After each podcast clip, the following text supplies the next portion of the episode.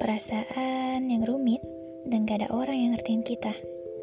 Perasaan yang sulit untuk dijelasin gimana pun caranya. Perasaan yang terus menghantui kita kalau kita gak berhasil mengungkapinnya. Atau perasaan yang kesel banget tapi gak bisa kita luapin amarahnya.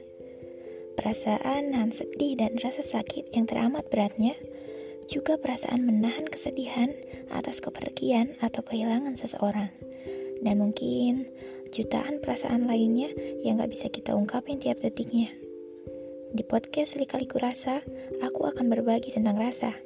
Di podcast ini, kamu akan merasa punya teman dan gak merasa sendirian di masalah yang kamu hadapi tiap detiknya. Di podcast ini, kamu akan berdamai dengan diri kamu sendiri dan hati kamu walau itu sulit sekali jalannya. Dan hal-hal lainnya yang akan kamu temukan di podcast Lika-Liku Rasa. Hope you like it ya.